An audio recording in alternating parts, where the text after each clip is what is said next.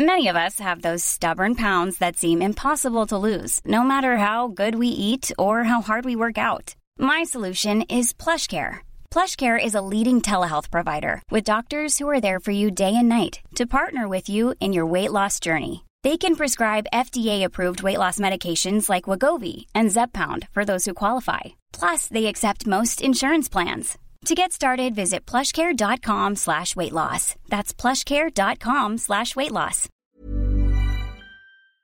Hormoner är en naturlig och livsnödvändig del av kroppen. Ändå finns det en stor okunskap kring hormoner och vi märker att många inte känner till hur menscykeln eller olika preventivmetoder fungerar. Den här okunskapen kan skapa en rädsla för hormonbehandlingar eller hormonella preventivmetoder och också göra det svårt att veta om och när man ska söka vård för mensrelaterade besvär. Hormoner diskuteras ofta i media, men ibland saknas en vetenskaplig grund för informationen och osanningar och myter sprids och får fäste. Vi på Babys podcast tror att kunskap kring kroppen och dess funktioner bidrar till en stärkt självbild och ett ökat välmående hos kvinnor. Det är ju just därför vi gör den här podden. Kunskap är makt helt enkelt. Därför vill vi tipsa om en hemsida där du kan få den vetenskapligt grundade fakta du behöver och förtjänar. Hormonguiden.se är ett initiativ av Gedeon Richter och är en hemsida framtagen i syfte att öka kvinnors kunskap om hormoner. Som barnmorska och gynekolog gillar vi verkligen den tydliga informationen med bra bilder, strukturerad genomgång av menscykel och preventivmedel. Gör dig själv en tjänst och skaffa dig mer kunskap om din kropp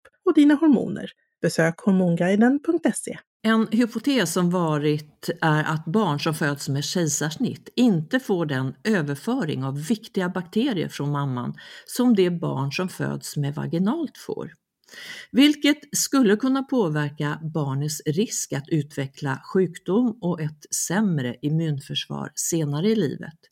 I korthet skulle det innebära att barn som föds med ett planerat kejsarsnitt har en ökad risk att utveckla bland annat allergier, astma och diabetes. I dagens poddavsnitt har vi återigen bjudit in docent och forskare Ina Schuppe Koistinen som vet allt om detta. Och ni där ute är varmt välkomna till ännu ett viktigt och spännande babysk podcast här med mig Karina barnmorska och Rebecka, gynekolog.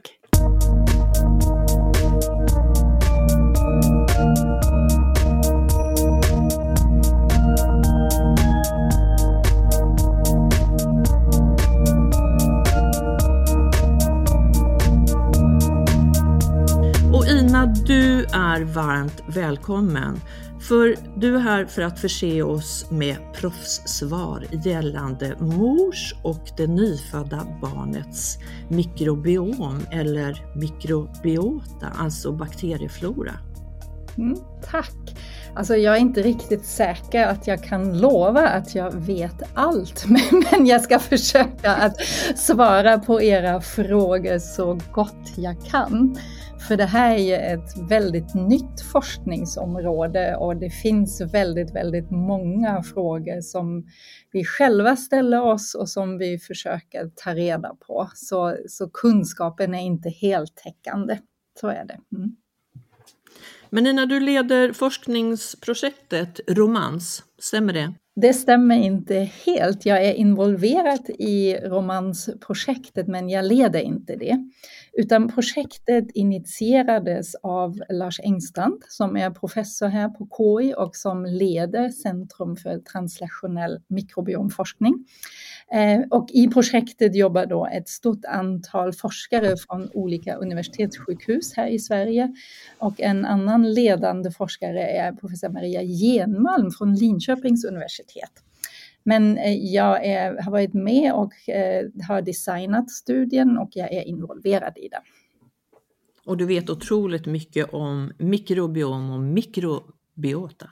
Ja, alltså det är ju vårt forskningsområde och bara kort eh, att förklara när vi pratar om mikrobiotan, då menar vi alla de här små mikroberna som finns i och på våra kroppar kroppar. Och mikro står ju för väldigt litet och biota är levande.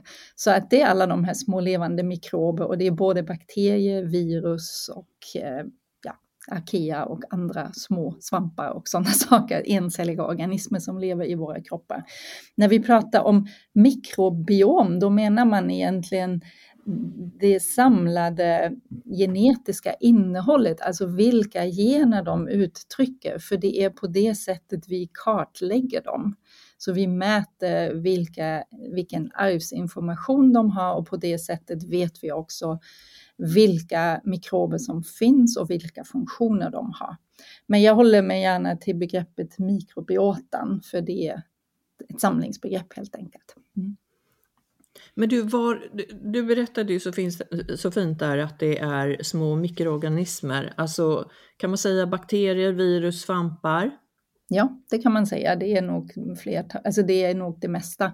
Sen finns det lite sådana där uråldriga livsformer som arkeer, och det finns bakteriofager, det finns små parasiter också. Men eh, det, det är ett samlingsbegrepp då. Mm. Och var på kroppen har vi de här? Är det enbart i våra slemhinnor eller finns de på andra olika ställen? De finns lite eh, de finns lite överallt. De finns ju på huden, eh, de finns på alla slemhinnor. Och med slemhinnor menar man då också munnen och halsen och hela mag och tarmtrakten. Och eh, vaginan och vulvan hos kvinnor. Hos mannen är det ju också ett mikrobiota då som, som finns i slemhinnan. Eh, runt eh, penis eller ollonet. Så, så de finns lite överallt på våra kroppar och de skiljer sig beroende på den miljön som finns. Om vi till exempel bara tänker på huden så finns ju olika eh, delar på huden som kanske är lite mera feta som bakom öronen eller lite fuktiga som under armhålorna och lite torrare som på armar och ben. Och så, så varje Eh, varje del av kroppen är en egen biologisk nisch då, som under evolutionen har anpassat sig till, till den mikrobiotan som lever med oss. Och de har ju en väldigt skyddande funktion både i huden men också i munnen och tarmen och vaginan.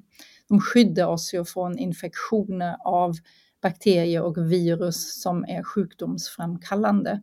Och så finns det också ett väldigt ett tätt samspel med vårt immunsystem, att de här nyttiga mikroberna, de tränar vårt immunsystem att lära sig att skilja mellan det som, som är kroppseget och det som ska finnas eh, så att säga i en frisk kropp mot det som, som är sjukdomsframkallande. Ja, men alltså, så spännande.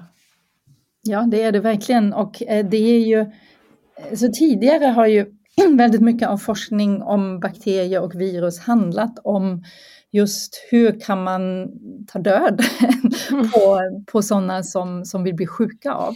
Och nu är det ett, har det öppnats ett helt nytt forskningsområde genom att vi har sådana tekniker som tillåter oss att kartlägga vilka mikrober som finns på våra kroppar och som behövs för att vi ska vara friska. För det har ju aldrig funnits en tid under människans utveckling där vi inte har varit koloniserade av mikrober. De, de fanns ju på jorden före oss och vi är ju helt anpassade och lever i symbios eh, med mikroberna. Så de är ju viktiga för vår hälsa och de, de ska vi också ta hand om på ett bra sätt. Men det har vi så att säga inte kunnat studera tidigare, men med teknikutvecklingen har det ju blivit möjligt. Så nu gör vi ju det. Mm. Du, du, skulle alltså säga att utan det här mikrobiota då överlever vi inte? Um, ja, alltså ja, de är livsviktiga. Det finns ju till exempel möjligheter att eh, föda fram möss som är helt sterila. Det gör man eh, i, i den forskningen vi gör för att kunna visa orsakssamband, att vissa bakterier har den, en speciell verkan i kroppen. Då, då odlar man fram bakterier som är helt sterila genom att man, man gör kejsarsnitt så de, och, och de små mössen får då leva i en helt steril omgivning. Men de mår ju inte bra de blir inte gamla. Och eh, så är det ju med människor också. Och det finns ju några få exempel på barn som föds med väldigt allvarlig immunnedsatt, eh, immunnedsatt sjukdom. Och, eh, så att det är ju, det är ju, det är inget friskliv. Mm. Men du Ina, idag så är vi ju mer inne på vårt område och vårt område är ju fertilitet, graviditet, förlossning och, och det nyfödda barnet. Och här har vi ju många, många frågor. Eh, och min första är väl kanske då eh, hur mikrobiomet eller biotan som du säger, hur, hur kan det påverka chansen att överhuvudtaget bli gravid? Har mm. det någon inverkan där? Ja, vi, vi studerar ju det och det är inte helt förstått. Men man kan ju säga för en graviditet behövs ju förutom eh, en, den hormonsignaleringen och fungerande kvinnliga könsorgan Eh, så, så är det ju ganska mycket annat som ska fungera i en kvinnas kropp för att eh, en befruktning och en graviditet ska bli till. Och när man då eh, har en bakterieflora eller mikroflora i vaginan som, som inte är frisk så kan det leda till en slags inflammatorisk sjukdom som gör att det blir svårt att eh, bli gravid. Och förmodligen är det ju så att det blir svårt att skapa den miljön så att den befruktade äggcellen får fäste i livmodern. Men det är inte helt kartlagt. Eh, men vi, vi gör studier för att eh, förstå det här bättre. Och um, man vet också att alltså en frisk vaginalflora, och det har vi pratat om tidigare, den består ju då framför allt av mjölksyrebakterier eller laktobaciller och de laktobacillerna de tillverkar mjölksyra som sänker pH i vaginan.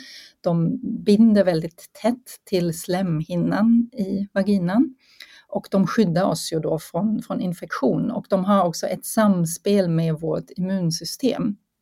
Så, att, ehm, så det skapas en gynnsam miljö helt enkelt. Och när det är rubbat, när laktobacillerna försvinner och andra mera sjukdomsalstrande bakterier tar över i vaginan, då kan det bli svårare med eh, att bli gravid.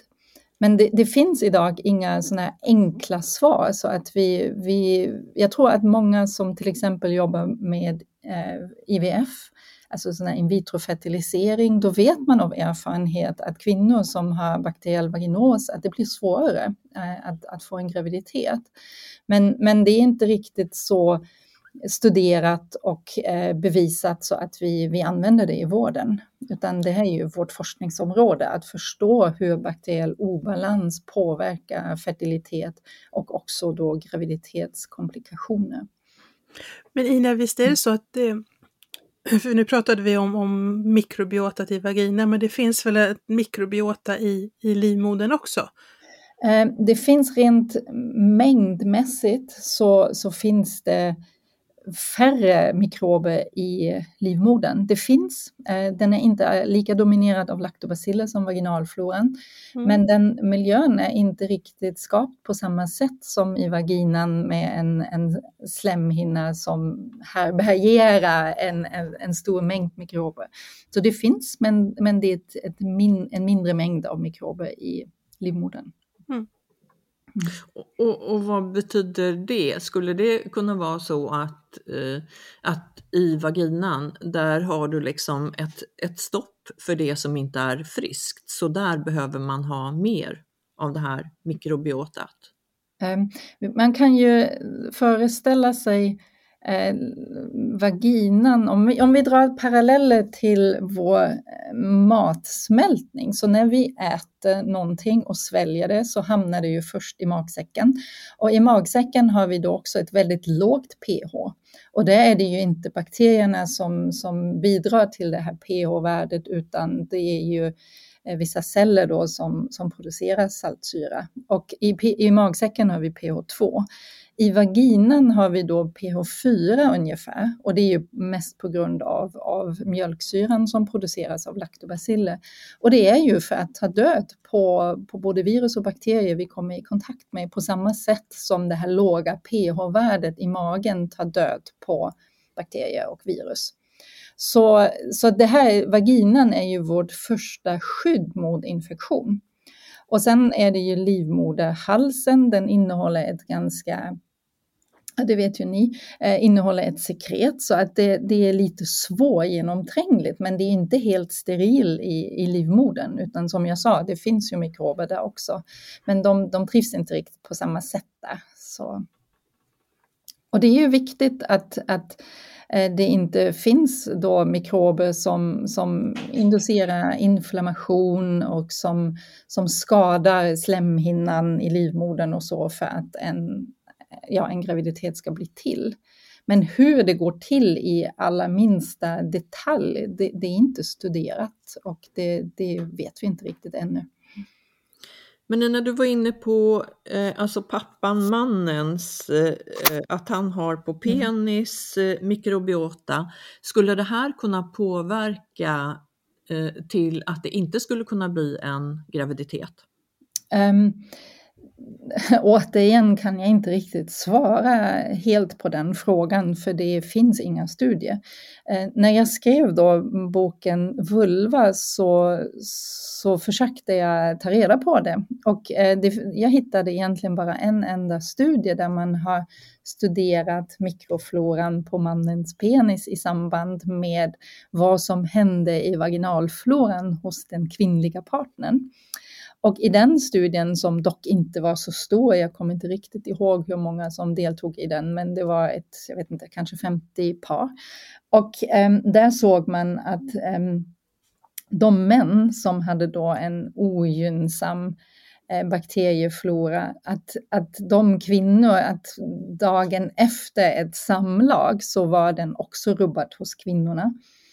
Men eh, man måste också komma ihåg att vaginan är faktiskt ganska tuff. Alltså den mm. är ju, den är ju skapt för att skydda oss. Så även om det blir en kort eh, rubbning så kommer ju flytningen och de bakterier som finns, eller laktobacillerna, komma ta hand om det så att det, det, det stabiliseras igen. så att och bakteriemängden, eller den floran som finns hos mannen, den är ju mycket mindre, alltså det är ju mindre slemhinna. Så att jag kan inte riktigt svara på det, det kan ha en, en påverkan, men eh, det, det, tror jag i de flesta fallen inte är så viktigt, utan det är ju i så fall om det är någon överföring av könssjukdomar eller lite allvarligare saker än bara lite ja, bakterier som har, hänger ihop med lite dålig sköldhygien och så. Men intressant fråga, eller hur? Mm. Ja, det är superspännande och vi, vi gör i en studie som, som är då fokuserad kring fertilitet, där tittar vi på kvinnor som undergår då eh, in vitro-fertilisering eller IVF för att bli gravida.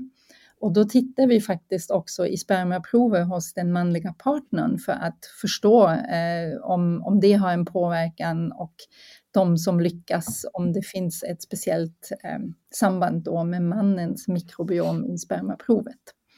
Så att det, vi försöker titta på det också, men det är inte så mycket publicerat ännu. Om vi då skulle prata om vad som händer när det väl har blivit en graviditet. Kommer, kommer mammans mikrobiota på något sätt påverka fostret i livmodern? Kan det ja. passera över moderkakan till exempel? Just det, det, det här är faktiskt också en väldigt intressant fråga och det fanns en väldigt stor kontrovers i den vetenskapliga världen just kring det här. När kommer det ofödda barnet i kontakt med mammans mikrobiota? Är det i in utero eller i fostersäcken eller är det först vid själva förlossningen? Och vi har faktiskt bidragit till den här diskussionen med en studie som vi gjorde i samarbetet med Eva, Eva Wiberg Itzel på Södersjukhuset.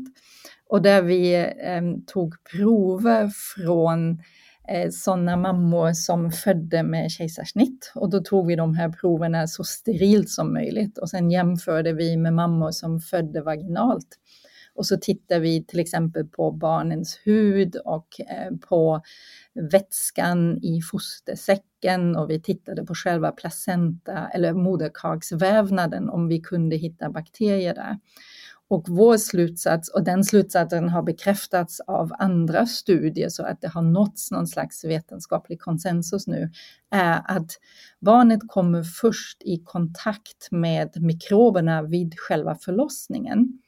Men däremot kommer de i kontakt med små beståndsdelar eller små molekyler från mikroberna via mammans blodförsörjning. Så att det immunsystemet tränas redan innan, men det är då via blodet. Men själva kontakten med mikroberna och att de koloniserar den barnens kropp, det sker först vid själva förlossningen.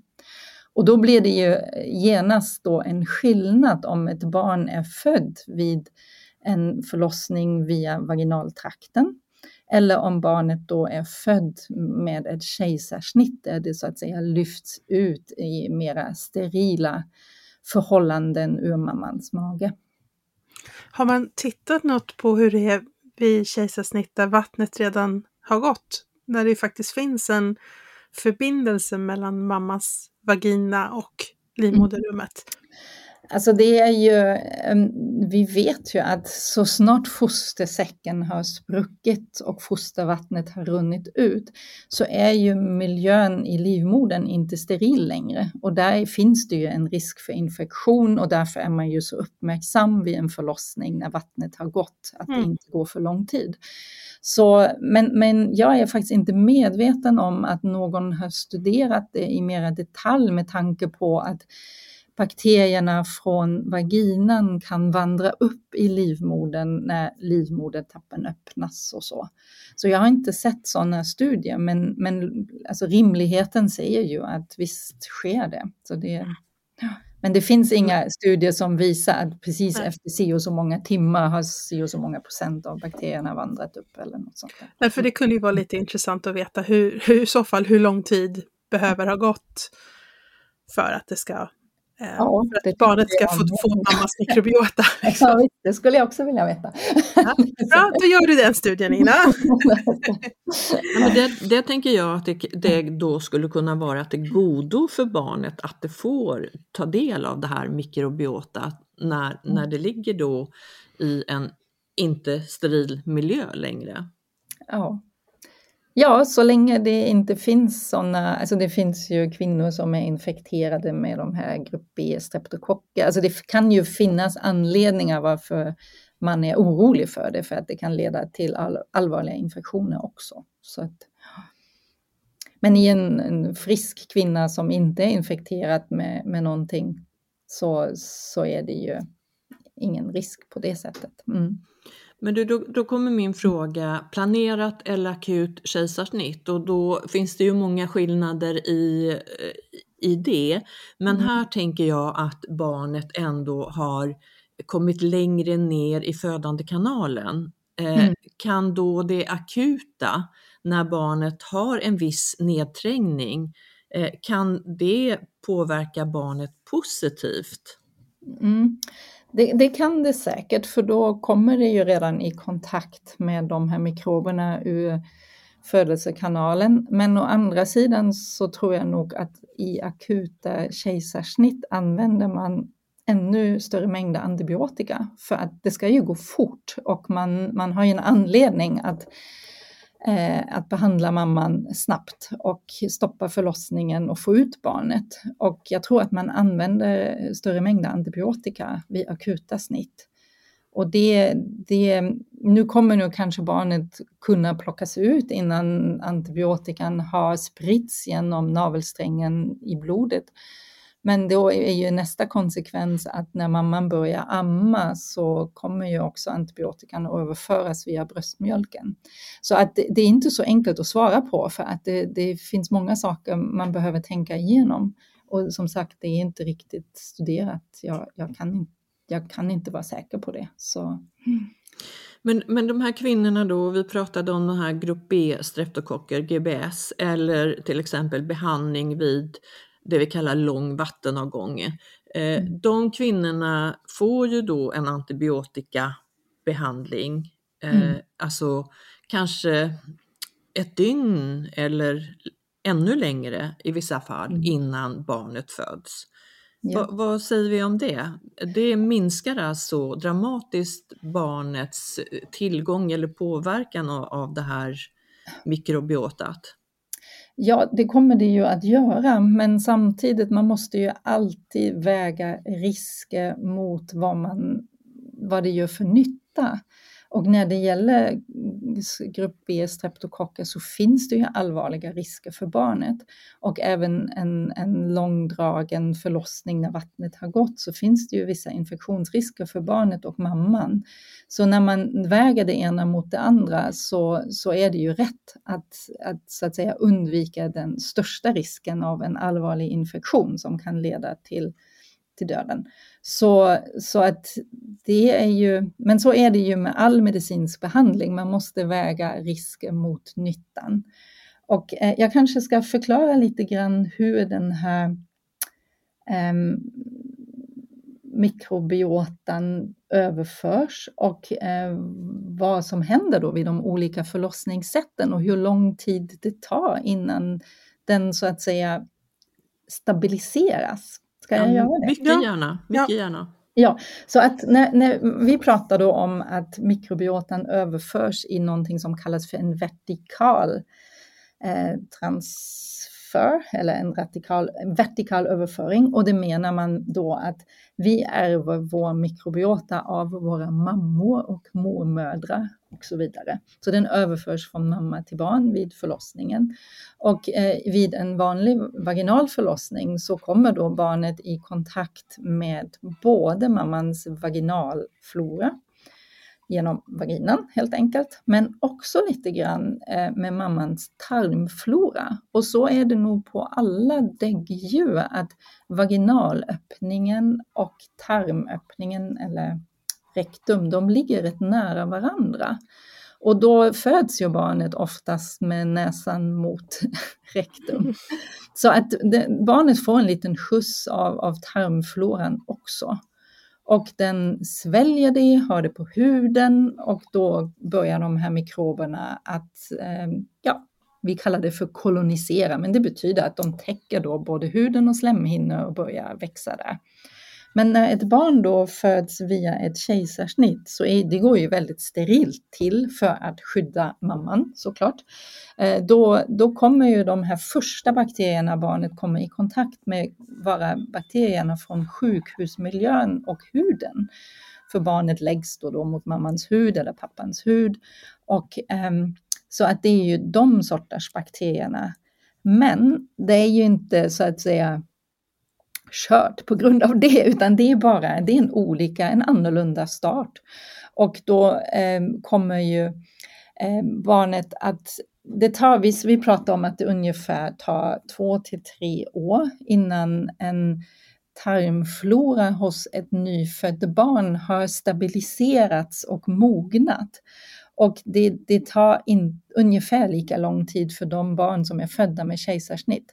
För att barnet kommer i kontakt med bakterier via mammans bröstmjölk som är någon slags probiotisk dryck som innehåller bifidobakterier och laktobaciller som då koloniserar tarmen, men också genom miljön, genom pussar och kramar, nappar och alltså allt möjligt. Så så att över tid så, så stabiliserar sig ju tarmfloran även hos barn som är födda med kejsarsnitt. Så man ska inte gå runt och vara jätteorolig. Alltså det har ju fötts miljontals barn med kejsarsnitt och det går bra för dem. Så att, men det finns ändå en lite förhöjd risk att de barn som är födda med kejsarsnitt att eh, den immunutvecklingen inte riktigt är på samma sätt och att det finns en högre risk för alltså, sjukdomar som är kopplade till det. Och då tänker jag på astma och allergi, eh, diabetes typ 1 och andra autoimmuna sjukdomar.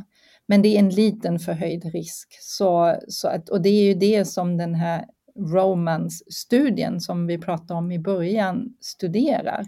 Och där jämför vi då barn som är födda med kejsarsnitt eh, det är 200 barn med kejsarsnitt som, eller förlossningar som ingår i den studien och 100 av dem kommer då att gnidas in direkt efter förlossningen med mammans vaginal och tarmflora. och 100 kommer då att gnidas in med en steril duk istället. Och så jämför vi också då med 100 barn som är födda på vanligt sätt och genom vaginal förlossning. Och vi här på vårt forskningscenter, vi tittar specifikt då på hur mikrofloran utvecklas hos det här barnet, både i tarmen men också på huden och i munnen. Eh, och sen är det ju då andra forskare som är mera riktade mot astmaallergi som kommer eh, studera de effekterna på immunsystemet. Så att, eh, men den studien pågår fortfarande och vi, vi har inte resultat ännu. Spelar det någon roll var man masserar in det här vaginal och tarmfloran på barnet? Eh, det gör det säkert. Eh, och eh, i vår studie då tar man ju en steril duk och lägger då i mammans vagina innan kejsarsnittet. Och sen tillför man också då med en rektalsvabb lite av tarmfloran. Och så har vi då ett speciellt schema hur det här barnet ska gnidas in. Och det är ju runt ansiktet och munnen och på hela kroppen. Så, så att det, det, det finns ju inte sådana studier publicerade idag i någon större omfattning där man har gjort det då som en riktig som den eh, randomiserat kontrollerat studie där man kan jämföra olika sätt. Så det finns inte publicerat idag, så det är därför det inte kan rekommenderas i vården som en lämplig behandling, för vi helt enkelt inte riktigt vet. Men eh, vi kommer ju att kunna bidra med sådana data förhoppningsvis. Så eh, det är ju därför vi gör det på det sättet, som en randomiserad kontrollerad studie. Have catch yourself eating the same flavorless dinner three days in a row? Dreaming of something better? Well, hello fresh is your guilt free dream come true baby. It's me, Gigi Palmer. Let's wake up those taste buds with hot, juicy pecan crusted chicken or garlic butter shrimp scampi. Mm. Hello Fresh. Stop dreaming of all the delicious possibilities and dig in at HelloFresh.com. Let's get this dinner party started. Life is full of awesome what ifs and some not so much, like unexpected medical costs. That's why United Healthcare provides Health Protector Guard fixed indemnity insurance plans to supplement your primary plan and help manage out of pocket costs. Learn more at uh1.com. Hur länge klarar sig de här eh, bakterierna på en sån här duk? Ja, det är också, ska man vara? Liksom? Ja, det är en jätteintressant fråga för de flesta bakterier som vi har i tarmen och vaginan, de är anaeroba, det vill säga att de trivs inte i en miljö där det finns syre. Och om vi tar ut dem och eh, har dem i en vanlig miljö med luft så kommer en hel del av dem att inte överleva. Så att det ska ju egentligen till då att man, man har dem i ett slutet kärl så inte syre kommer åt. Man ska ha dem i sterila förhållanden och i en kroppstemperatur. Så att det, men det, det där kräver ju så att säga en egen liten pilotstudie för att förstå hur länge de klarar sig. Mm. mm. Alltså där ser jag ju eh, när jag är eh, involverad, bistår vid eh, kejsarfödsel, eh, mm. vissa par kvinnor som, som då har en kompress eller flera eller en trasa i en liten burk med sig. Mm. Eh, och inte, den, den ligger alltså inte kvar i vaginan utan de har den i burken och efter barnet är fött så smörjer man in mm. ansiktet med den. Eh, eh, vad, vad, vad, skulle du säga? Är det någonting som du rekommenderar och att du säger att man vet inte riktigt, men säger du att hellre det än att göra ingenting eller ja, hur ja. förhåller vi oss? Alltså, jag, jag, kan, som jag sa redan, jag kan ju inte rekommendera det här för att eh, kunskapen är inte tillräcklig för att det ska gå, kunna gå ut som en rekommendation i vården. Så, så men personligen tror jag nog att um, Alltså det, det, skadar inte, men man ska ju också vara medveten om att de här bakterierna, de överlever inte i en evighet. Så att det ska ju gå ganska kort tid mellan att man tar ut den här sterila duken från vaginan tills man smörjer in sitt barn. Så har man det liggande ett dygn så tror jag inte att många av de här laktobacillerna lever fortfarande. Mm. Men å andra sidan, det, det skadar nog inte um, heller. Um, men alltså det är en jätte, jättesvår fråga. Men en generell rekommendation kan vi ju inte ge just nu, som jag redan har förklarat. Om vi vänder på det, skulle vi kunna tillföra skadliga bakterier på det här sättet? Alltså det, ja, om man då har till exempel en grupp B streptokockinfektion, men det, det testar man ju för och det vet man ju. Och då ska man ju verkligen inte göra det. Men, men alltså, i vanliga fall skulle ju ett barn ändå ha fötts genom vaginan om det inte hade funnits andra anledningar varför man väljer att göra ett snitt. Men så att på det sättet känns det ju ändå ganska naturligt. Mm. Vid en bakteriell vaginos då? Ja, det är, ju, det är ju inte att rekommendera i så fall om man, man har en om man har en, en sån dysbios som leder till symptom så man vet om det, då, men den behandlas väl hos gravida, när här får ni hjälpa mig. Gör man inte det? Mm. Jo, om vi, om vi vet om den. Ja. Eh, om vi vet om den, om, om den gravida liksom har eh, talat om eller sökt för illaluktande flytningar till exempel. Men det är ju faktiskt så att en del går med bakteriell vaginos utan att veta om det, utan att reagera på det. Precis. Så att, det är inte så att vi screenar för bakteriell vaginos eh, i slutet av graviditeten. Nej, och det är ju det är ju också en del av vår forskning att eh, det är ju ett av de riktigt, riktigt stora problemen eh, att eh, man säger att ungefär bara 50 procent av de som har en obalans i vaginalfloran som då skulle kunna definieras som bakteriell vaginos ha de kliniska symptomen som leder till själva diagnosen, för den är ju gjort baserat på kliniska symptom, att det är illaluktande flytningar, att det finns mera eh, av de bakterierna i vaginan. Man tittar i mikroskop och man har förhöjd pH. Så, men, men den här molekylära definitionen att man är helt säker på vilka bakterier som då alltid finns. Eh, den är inte riktigt, riktigt färdig. Och av de kvinnor som då har en obalans som skulle kunna vara bakteriell vaginos, eh, om de inte har symptom, då fångas de ju inte upp. Och det är väldigt svårt att säga. En del forskning tyder på att man har ändå samma risker för minskad fertilitet och graviditetskomplikationer. Och här tänker jag framför allt då på för tidiga förlossningar som är ju väldigt allvarliga komplikationer. Eh, att, att de riskerna ändå finns, men, men vi kan inte heller med dagens forskningsläge kan vi inte riktigt uttala oss om det.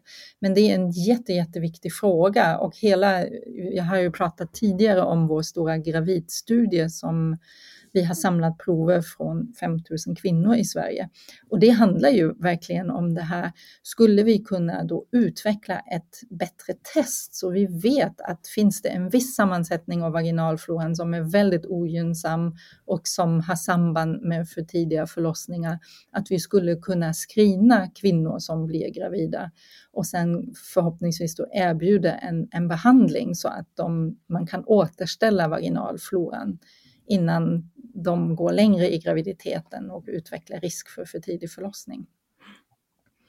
Bakteriell vaginos är ju också en riskfaktor för att få en infektion i livmodern efter födseln. Precis. Såväl vid vaginal födsel som vid mm. kejsarsnitt. Så det vore ju inte så dumt om man kunde screena precis innan födseln heller. Faktiskt. Precis. Mm.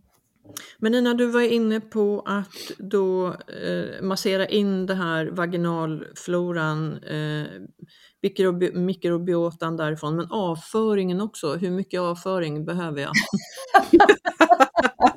ja, det är ju några kilo. Nej, ja, alltså i, i vår studie i vår studie, nu skojar jag, förlåt, men i vår studie då, då tar vi ju med en rektal svabb, alltså med samma lilla bomullstuss som man tar prover från vaginan kan man ju ta ett avföringsprov som, som är ganska litet. Så, men, men som sagt, det finns inte tillräckligt med forskning och som kan visa vilken mängd det är.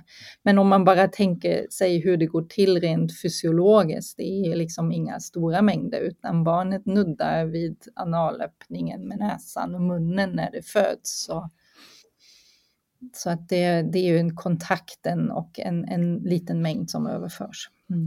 Så ska vi vara riktigt petiga så är det två traser eller kompresser som gäller. En, en med lite avföring och en med lite eh, då mikrobiota från, från eh, vaginal. Mm. Teoretiskt ja, men som jag sa att eh, vår forskningsdata tillåter inte den rekommendationen ännu. Mm. Mm. Men om man, om man tänker sig ett barn som föds med planerat kejsarsnitt, mm. skapligt steril miljö, och av någon anledning så eh, ammar inte mamman. Mm. Eh, finns det då något ytterligare sätt för barnet som den kan liksom få till sig den här bakteriefloran? Du pratade om pussar förut, det lät ju trevligt. Ja, ja, ja. mikrober finns ju överallt i vår miljö. Så att eh, barnet kommer ju att få en, en kontakt med olika mikrober genom huden, genom de kläder den ligger i, genom Eh, närhet och även alltså saliv, mammans saliv eller pappans eller syskonens. Eh, det är ju en, en källa för överföring som att man ja, med pussar eller slickar på skeden eller nappen eller något sånt där. Och sen är det ju syskon generellt som har väldigt nära kontakt. De är ju också en källa till mikrober och um, så att också att barnets kontakt med naturen. Det finns ju väldigt, väldigt mycket eh, mikrober i jorden och på växter och på frukter och på allt möjligt. Och just alla de här vi har i våra kroppar, de, de finns ju i naturen också. Så, så det är ju en, en, en viktig sak att röra sig i naturen och inte bara i sådana här hyperhygienmiljö som desinficerade ytor och lite överdriven hygien innebär. Så det är lite tillbaka till hur livet eh, var förr. Och då finns eh, stora studier, bland annat då den här Bamse-studien som, som jag nämnde tidigare. Nej, det kanske jag inte gjorde, men det finns en studie som, som heter Bamse där man där man jämför barn som är födda då i stan med sådana som är födda i antroposofiska miljöer. Och det är sådana miljöer där man, ehm, ja, man lever på landet, kontakt med djur och natur. Man avstår gärna då från ehm, plastleksaker och tillsatser, försöka leva då så naturligt som möjligt. Och de barnen som växer upp i de här antroposofiska miljöerna, de har ju mindre astma, mindre allergisjukdom. Och, och, delvis kan det ju vara kopplat till mikrobiotan, fast som jag sa, det är inte riktigt eh, kartlagt ännu. Så att, att leva i, i samklang med, med djur och natur är nog en, en viktig del. Men, men blir det samma mikrobiota? Du pratade om att vi har sam, olika mikrobiota på hud och i vagina ja. och tarm. Det blir ju inte riktigt samma. Nej, det, det, kanske inte blir från början, men över tid kommer det att eh, mm. stabilisera sig. Och det är ju också så att varje kroppsdel eller kroppsnisch har ju en alldeles egen miljö. Så om när tarmen utvecklas, magsäcken utvecklas och vi producera saltsyra i magsäcken och så vidare, så skapas ju en speciell miljö i tarmen och det är bara vissa sorters mikrober som, som överlever och trivs i den miljön. Så det blir som någon slags naturlig selektion av vilka bakterier som växer på vilken kroppsdel och vilken slemhinna. Så, mm. så med tiden jäms, jämnas det ut förstås. Och som jag sa, att man, man utgår ifrån då från de forskningsdata vi vet om att det tar ungefär ja, runt tre år innan eh, mikrofloran stabiliseras även hos de barn som är födda med kejsarsnitt. Mm. Men du, där är ju naturen kanske då lite smart, för barn stoppar ju gärna allt i munnen. Ja. Alltså stenar och sand och, och svampar och, och orena ja. grejer. Och det kan och ju man får vara ganska viss... uppmärksam, en del kan ju vara skadligt också. Så. Exakt, exakt. Ja. Men, men mycket av det här är ändå till godo. Ja, det tror jag. Mm. Och de här pussarna från olika personer, det skulle då medföra att du får eh, mikrobiota från, från de olika och, Ja. och, och på så sätt stärka immunförsvaret. Ja, få en stor variation eh, och vi kallar det för diversitet då, med eh, olika sorters bakterier. Även att, att ha husdjur, umgås med djur överhuvudtaget. Pussa husdjuren, ska man göra det? Mm.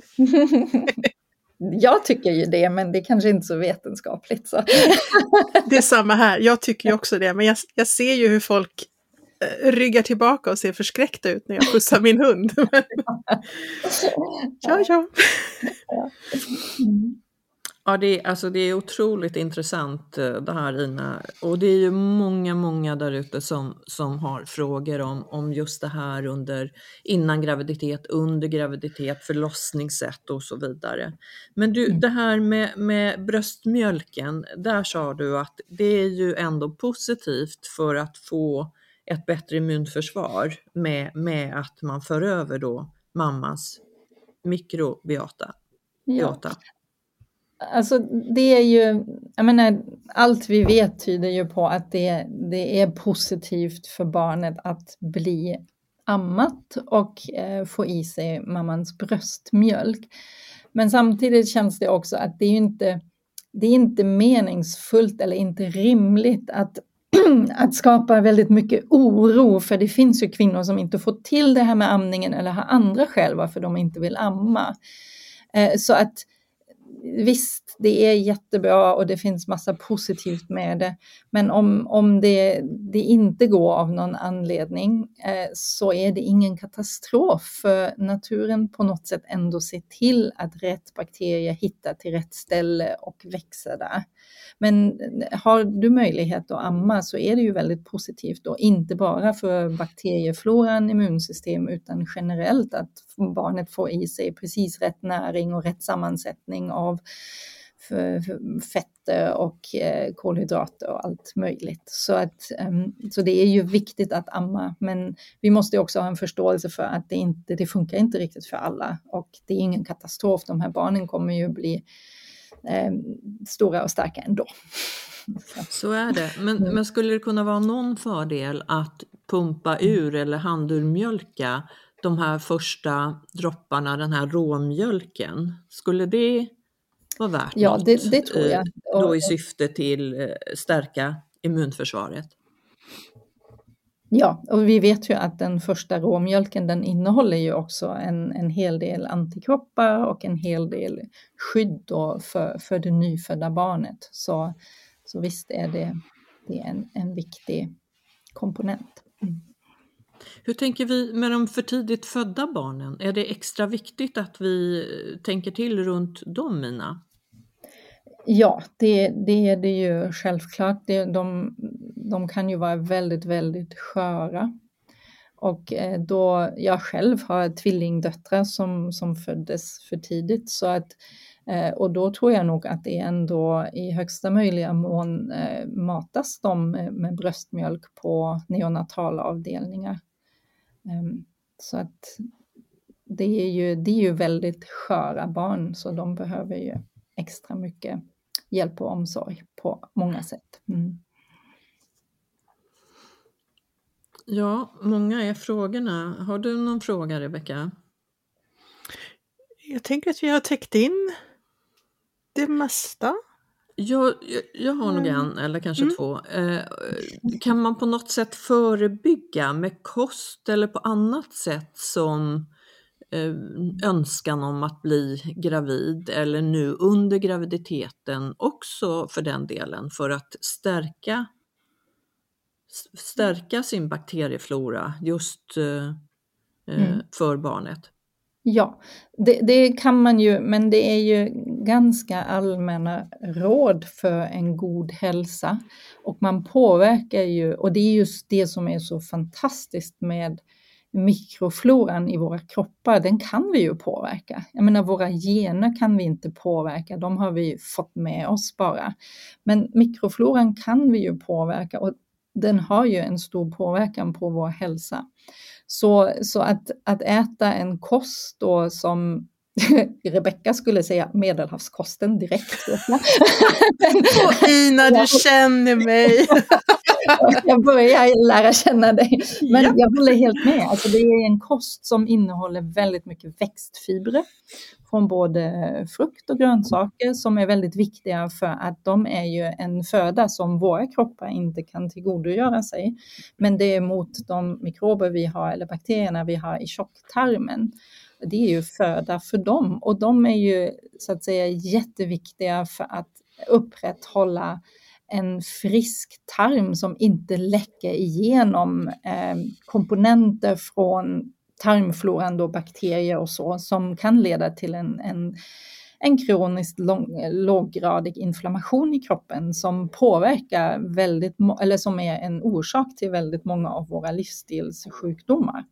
Så det är ju verkligen A och O att ha en kost som innehåller väldigt mycket växtfibrer, men också att ha en kost som innehåller de här levande bakterierna som människan under många, många generationer har ätit.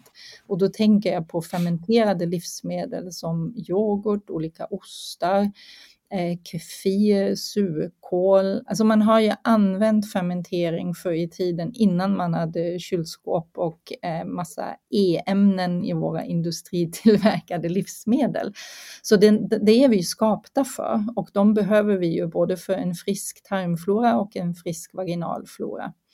Så det är ett, ett gott råd. Och sen en, ett annat gott råd är ju det här att leva eh, utan överdriven hygien och inte använda bakteriedödande hygienprodukter. Typ torka sig med våtservetter eller sådana grejer som tar död på bakterier. Det är inte heller rätt och att försöka undvika antibiotika i största mån. De kan behövas, de är livsräddande i vissa infektionstillstånd, men att man inte på ett, och det har vi ju i och för sig blivit bättre inom sjukvården också, att inte på ett slarvigt sätt förskriva antibiotika, för de tar ju död på även de goda bakterierna i kroppen. Mm. Så det här med hygienvanor, kostvanor och en allmän, en sund livsstil, att ja, sova, röra på sig, vistas i naturen. Det, det är allmänna råd och de gäller ju även vår fertilitet. Mm. Men du, då kommer jag att tänka på eh, hygien, sa du. Eh, mm. Men det är ju många som vill bada barnet, det nyfödda barnet och där rekommenderar vi ju att, att vänta eh, fem till sju dagar. Eh, bara mm. tvätta där barnet är smutsigt om det har bajsat ner sig eller har blodigt huvud till exempel. Eh, mm. och det kan väl också då vara till gagn för barnet eh, att det får ha sitt fosterfett bara för att skydda, skydda huden mot uttorkning men också rent eh, för, för immunförsvaret.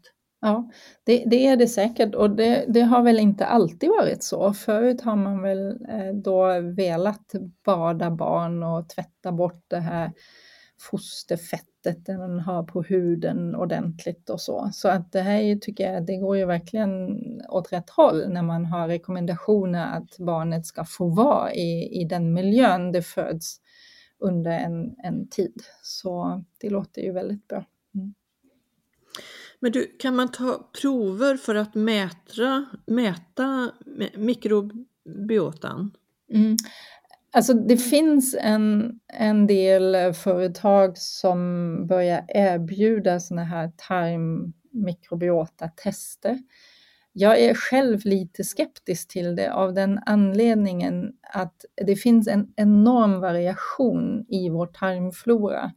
Alltså när vi brukar säga att när det gäller våra gener så är vi 99,8 procent lika med varandra. Det är ju väldigt eh, stor likhet.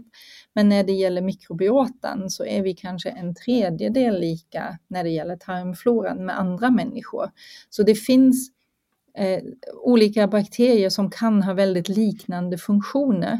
Och idag vet vi inte 100% vilka bakterier du behöver ha i din tarmflora för att den ska kallas, kallas för en frisk tarmflora.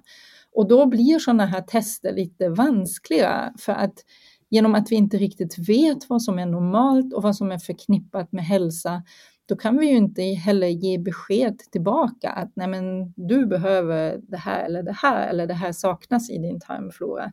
Så det här handlar väldigt mycket om att tjäna pengar, de här testerna som, som finns idag. När det gäller vaginalfloran så resonerar jag ju ungefär på liknande sätt. Det finns idag inga företag som erbjuder det i Sverige. Det finns i andra länder, i USA vet jag, i England.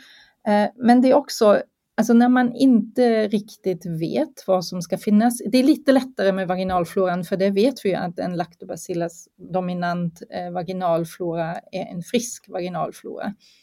Men vad gör vi med alla de här kvinnorna som, som inte har symptom, som känner sig friska, som inte har en lactobacillus dominant vaginal flora? Vi kan ju inte erbjuda någonting för att rätta till det.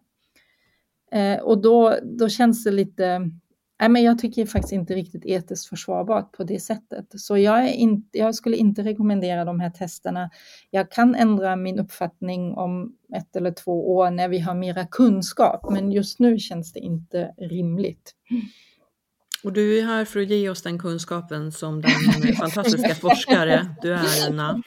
Men du, vi var inne på kosten till då kvinnor som vill bli gravida eller under graviditet för att då försöka leva sunt och stärka immunförsvaret. Men mm. finns det någonting när barn då börjar äta själva, eh, när man inte ammar eller inte ger ersättning, finns det då någonting i deras kost som man skulle mm. kunna rekommendera som stärker deras immunförsvar? Är det på samma sätt? Eh? Ja, det, jag tror nog att vi kan tänka ganska lika där och det är ju att introducera variation, introducera eh, olika sorters grönsaker och frukter och kanske också börja med fermenterade livsmedel i små mängder och se hur det tolereras. Så att det är ju ja, det är väl någon gång ett sex månaders ålder framåt att man, man börjar introducera olika eh, livsmedel och introducera en stor variation av grönsaker och frukter är väl en jättebra idé. Så. Mm. Ja, det låter ju sunt. De ska ja. ju äta samma sak som, som sina föräldrar i alla fall. Sen, ja. så. Kanske inte lika mycket chilisås, men det går ju att undvika.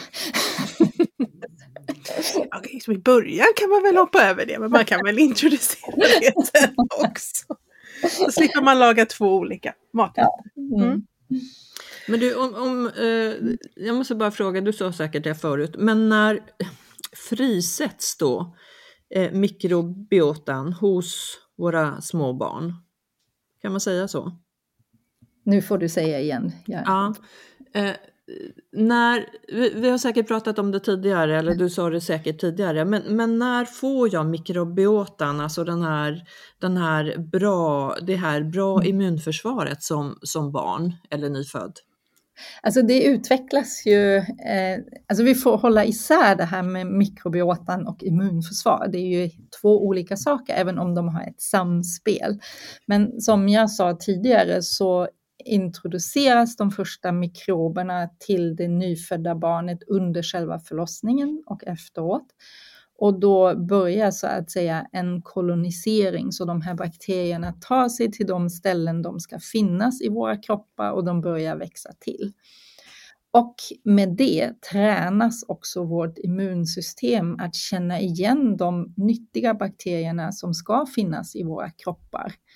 Så, så det samspelet och det börjar med förlossningen och det fortsätter liksom under de första levnadsåren tills barnet har ett, en stabil bakterieflora i tarmen och andra kroppsdelar. Och, eh, men utvecklingen fortsätter ju i, ja, under hela livet. Mm.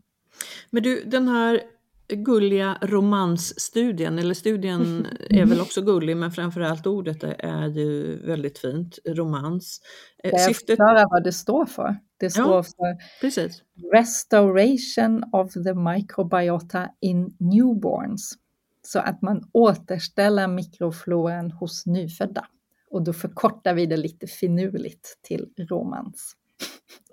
Och det projektet eller studien är, beräknas vara klar när då, Ina? Um, det är en tvåårsuppföljning på de barn som föds i studien uh, för att just titta på de här um, effekt på uh, eksem och allergi. Och uh, just nu håller vi fortfarande på att rekrytera så att det är minst två år till studien pågår, men jag skulle nog säga nästan tre år till. Men vi kommer att analysera de här första proverna från huden och tarmfloran och så eh, under närmaste halvåret. Så att eh, vi kommer att få en viss kunskap om mikrobiotan redan tidigare. Men själva studien kommer att ta flera år att färdigställa. Mm. Och då ska vi eh, säga också att vi är under våren 2023 just nu. Mm. Eh, så det blir ju perfekt Ina att du kommer tillbaks och berättar, inte bara om två till år när, när studien är klar, utan på vägen vad ni ser. Ja, det gör jag gärna och jag kan också kanske inkludera några av mina kollegor. Mm. Mycket trevligt. Mm. Superkul. Ja men du, ett viktigt ämne. Många som eh, undrar över det, hur det är då relaterat kejsarsnitt eller vaginal eh, födsel, om det skulle vara bättre. Jag tycker att du har väl gett väldigt lugnande besked där eh, om att, eh, att det här går att återställa, att, att barn med, födda med kejsarsnitt inte behöver få ett sämre immunförsvar på sikt. Nej, precis. Mm. Du har skrivit en fantastisk bok som heter Vulva.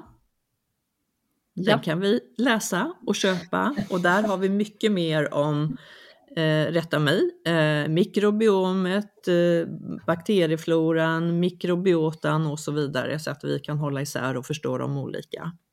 Ja, och den boken eh, beskriver också en del av våra forskningsstudier så att det finns ett avsnitt då som handlar om den här eh, romansstudien.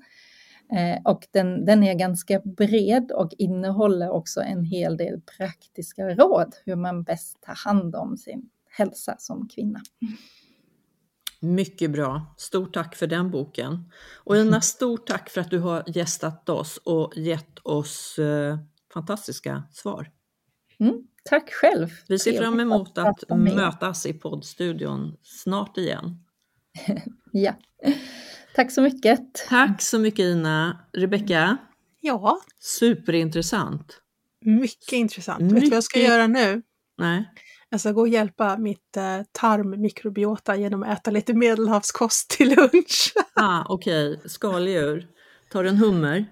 Nej, men nej, det, är ingen, det är ingen medelhavskost, hummer. Ja, men, ja, fisk.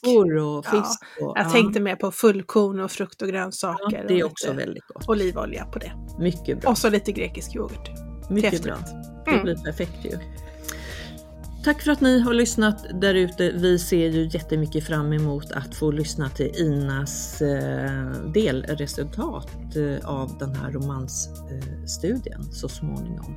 Tack för att du lyssnar på alla våra avsnitt och eh, ja, som vanligt, vi är snart tillbaks. Du får ett nytt avsnitt varje torsdag. Och när du inte lyssnar så kan du hänga med oss på Instagram och då är det Babys podcast där också. Ha det gott, ta väl hand om er.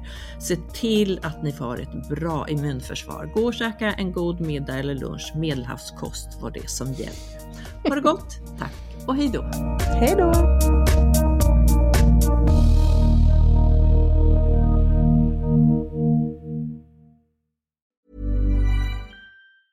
Hey, it's Paige DeSorbo from Giggly Squad. High quality fashion without the price tag. Say hello to Quince. I'm snagging high-end essentials like cozy cashmere sweaters, sleek leather jackets, fine jewelry, and so much more. With Quince being 50 to 80% less than similar brands. And they partner with factories that prioritize safe, ethical, and responsible manufacturing. I love that. Luxury quality within reach. Go to quince.com slash style to get free shipping and 365-day returns on your next order. quince.com slash style. Hi, I'm Daniel, founder of Pretty Litter. Did you know cats tend to hide symptoms of sickness and pain? I learned this the hard way after losing my cat, Gingy. So I created Pretty Litter, a health monitoring litter that helps detect early signs of illness by changing colors, saving you money and potentially your cat's life. Pretty Litter is veterinarian developed, and it's the easiest way to keep tabs on your fur baby's health right at home. Go to prettylitter.com and use code ACAST for 20% off your first order and a free cat toy. Terms and conditions apply. See site for details.